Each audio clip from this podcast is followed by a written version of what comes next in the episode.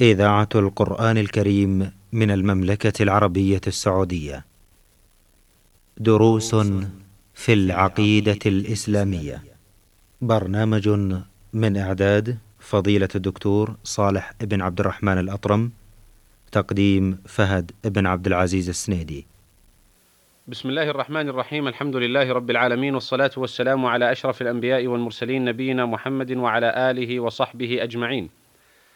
أيها الإخوة المستمعون الكرام السلام عليكم ورحمة الله وبركاته أسعد الله أوقاتكم بكل خير وأهلا ومرحبا بكم إلى درس جديد ضمن برنامجكم دروس في العقيدة الإسلامية.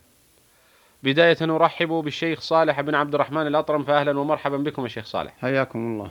حياكم الله.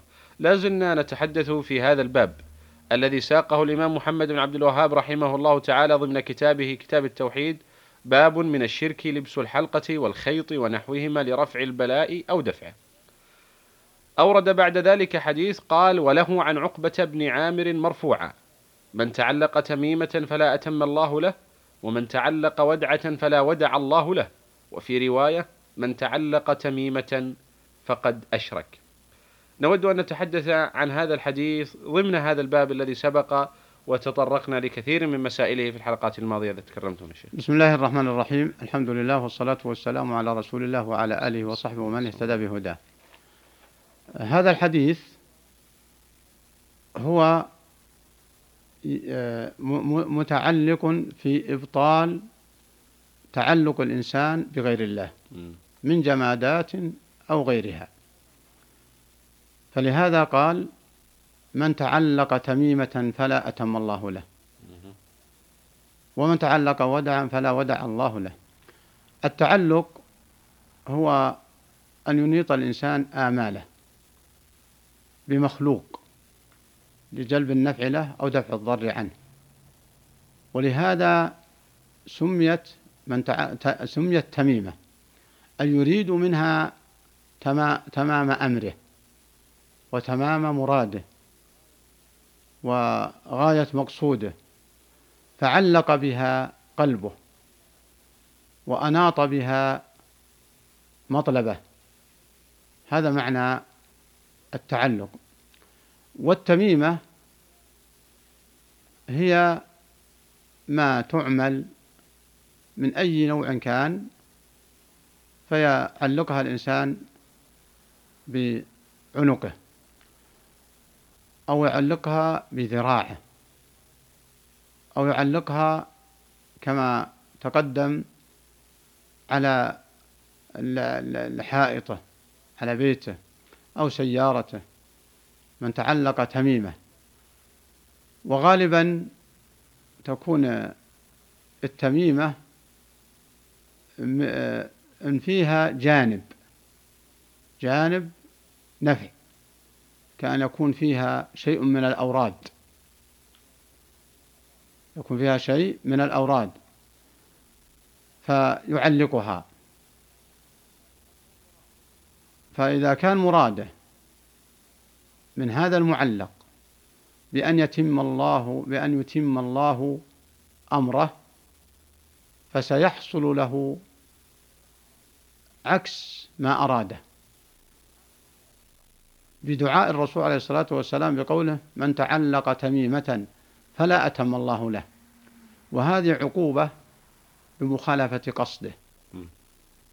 لأن قصده يريد التمام لأمره أو لمقصوده أو لما يهوى. فدعا عليه الرسول عليه الصلاة والسلام أن يحصل له عكس ما أراده. فلا أتم الله له. نعم.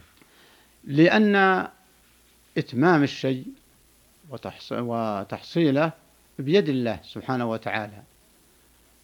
فإذا كان بيد الله فهو القادر على أن يتمه وذلك بأن يفتح لك أسباب تحصيل ما تريد أو أسباب أو الأسباب التي تجتنب بها ما تخافه.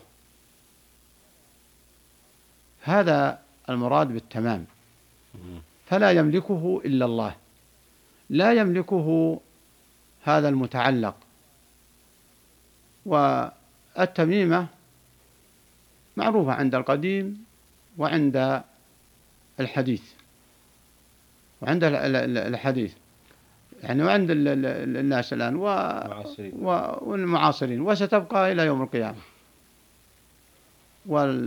والموفق من علق آماله بالله واستعمل الأوراد الشرعية. من تعلق تميمة فلا أتم الله له. والمقصود التحذير من التعلق بالتمائم. مخافة أن يقع عليه هذا الدعاء من الرسول. يعني هذا دعاء. فلا أتم الله له. وقد يكون دعاء متضمن إخبار أن الله لم يتم له لأن السبب له فعل محرم. وإذا فعل الإنسان السبب المحرم فينعكس عليه الأثر فإنه لا يتم. وقد يتم لكن باب الابتلاء والامتحان وقد يكون استدراج. فلا يقول الإنسان فعلت هذا المحرم وحصلت مطلوبي.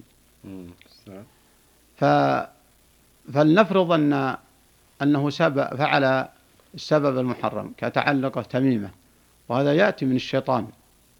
وقد وقد يسلط الشيطان وينطق على لسان الجن إنه تم أمرك لا علقت هالأمر. لكن لما كان غير مشروع فإنه لا خير فيه لو تم. لو تم. لقول الرسول فلا أتم الله له. سواء لا أتمه الله له حسا أو لا أتم الله له معنى. من تعلق تميمة فلا أتم الله له.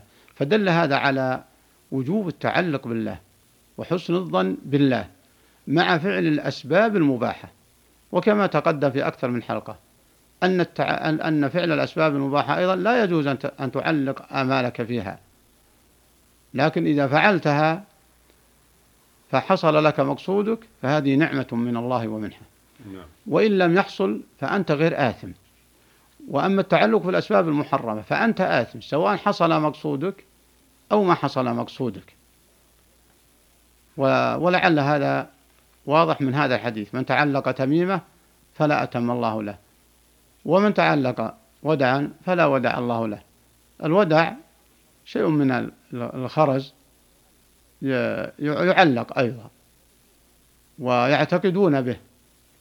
يعتقد به الجاهلية. ومن جهل أيضا بعد ظهور الإسلام. لأن كل من جهل الشرع فعنده شيء من الجاهلية. فيتعلقون به وهو أصله آه، يخرج من من من من من البحر. فيعلقونه معتقدين به أنه يحميهم ومعتقدين به النفع ويعتقدون به النفع والبقاء. فدعا الرسول عليه الصلاة والسلام عليهم بنقيض قصدهم. اللهم فلا ودع الله له. وقد يكون إخبار وقد يكون إخبار. فهو فقوله عليه الصلاة والسلام فلا أتم الله له وفلا ودع الله له. هذا يحتمل باب ال ال ال الإخبار لأن السبب غير مشروع ويحتمل أنه دعا عليه بأن انعكس عليه مراده نعم.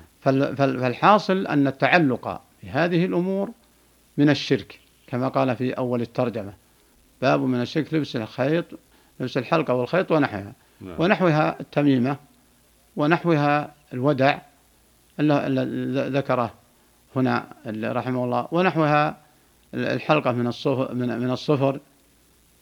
فكل هذه الأحاديث واضحة في تحريم التعلق. وأكرر وأكرر مدى هذا التعلق. مدى هذا التعلق. فإن كان من كافر أصلي هذا لا غبار عليه. يعني كافر بتعلقه على هذه الأمور وغيرها. وإن كان من من مسلم فليتق الله وليخشى من من سوء الخاتمة. وإن اعتقد أنها بنفسها تنفع وتضر هذا آه، شرك أكبر. وإن اعتقد أنها سبب والله لم يجعل فيها سبب فهذا محرم فيجب الإقلاع عنه. وتكرر هذا وقد يقال أن تكرر نعم لأهميته لا مانع من تكرره. ووجود هذا أيضا في أوساط المسلمين. اللي هو اتخاذ الخيوط واتخاذ التمائم واتخاذ الودع والتعليق. يوجد كثير في أوساط المسلمين. ولا من نوع من أنواع وجد في الجاهلية إلا وقد يوجد. نعم. لأن الجهل مستمر. لا يرفع إلا التعلم. الله أكبر. نعم. بعد ذلك ساق المؤلف رحمه الله تعالى أثرا قال ولابن أبي حاتم عن حذيفة رضي الله عنه أنه رأى رجلا في يده خيط من الحمى فقطعه وتلا قوله تعالى وما يؤمن أكثرهم بالله إلا وهم مشركون. هذا الفعل من حذيفة رضي الله تعالى عنه هذا الإنكار ماذا يدل عليه هذا القطع بشدة؟ ثم آه، استدلال حذيفة رضي الله تعالى عنه بهذه الآية في هذا المكان هذا الشيء. هذا الحديث دل على تأكد تغيير المنكر نعم. ولا سيما الشرك. لأن الشرك أكبر المنكرات وأنكر المنكرات. وحذيفة رضي الله عنه وأرضاه من أصحاب الرسول عليه الصلاة والسلام. ولما رأى هذا الخيط في عضد هذا الرجل بادر إليه وقطعه. ففي هذا جواز الإنكار باليد حينما يكون المغير قادر. يكون قادر. وأمن المفسدة الكبرى. فإذا كان عاجز وهو في مجتمع إسلامي فإنه يرفعه للقادرين. لأن المجتمع الإسلامي لا بد أن يكون فيه سلطة. لكن لا بد أن يكون فيه سلطة. فإن كان من استعمله طلب منه فتوى أو دليل شرعي فيسعى ويأتي له ويكون هذا من باب تغيير المنكر. فإن أبى ولم يغير ففي المجتمع الإسلامية سيجد سلطة تغيره. وحذيفة رضي الله عنه أحد أصحاب الرسول عليه الصلاة والسلام عنده السلطة هذا من جهة. وقد وكل أصحاب الرسول عليه الصلاة والسلام كل واحد يغير ما ما ما, ما ينكر ما ما ينكر عليه. ثم أيضا في وقت الصحابة عندهم التأكد أن الصحابي لا يغير إلا محرم وقد يكون من عليه هذا الخيط الذي نزعه حذيفة أنه من الجهل فهو يود الاستفادة ويفرح في تغيير المنكر آه، في في تغيير المنكر عنه فالمقصود ان إنه يؤخذ منه ويستفاد منه تغيير المنكر خصوصا ما به الشرك مع الاستطاعة مع الاستطاعة كما تقدم والتأكيد عليه. وحذيفة رضي الله عنه وأرضاه فأنا أعتقد أن أي صحابي من أصحاب الرسول له آه، السلطة في تغيير المنكرات وخصوصا وخصوصا الشرك. ثم من التغيير على الفرد بما هو مؤكد غير التنفيذ الحدود. هل يتأمل الإنسان المسلم؟ ليس كل أمر ينفذ فيه الفرد. فهناك ما يحتاج إلى سلطة. وهناك ما هو منكر واضح ويأمن من الفتنة في تغييره. وهذا حسب المغير وحسب المغير عليه. ودل على أنه اعتقاد النفع بما لم يجعله الله سببا أنه شرك. لأن حذيفة استدل بقوله وما يؤمن أكثرهم بالله إلا وهم مشركون فدل على أنه قد يوجد المؤمن بالله وقد يوجد المسلم لكن عنده من الأفعال ما هي الشرك. نعم. إما لجهله بها أو لتساهله أو لغفلته أو لاغتراره بالفاعلين. مثل مثل اتخاذ الحلقة ومثل اتخاذ الخيط. نعم. ومثل ودل على أنه ليس العبرة بالكثرة وإنما العبرة بالحق. الله. كما في هذه الآية وما من أكثرهم بالله لو مشركون. وفي قوله وإن تطع أكثر من في الأرض يضلوك عن سبيل الله. فلا عبرة بالأكثرية فالعبرة من معه الحق. نعم. ولهذا كل جماعة المسلمين فالمراد بهم الجماعة الذين على الحق. ولو أنهم قلة. نعم, نعم. شكر الله لكم يا شيخ ونسأل الله تعالى أن يمن علينا وعلى المسلمين جميعا بالهداية والتوفيق. أيها المستمعون الكرام في الختام تقبلوا تحية زميلي عبد الله عريف من الهندسة الإذاعية حتى نلقاكم نستودعكم الله والسلام عليكم ورحمة الله وبركاته.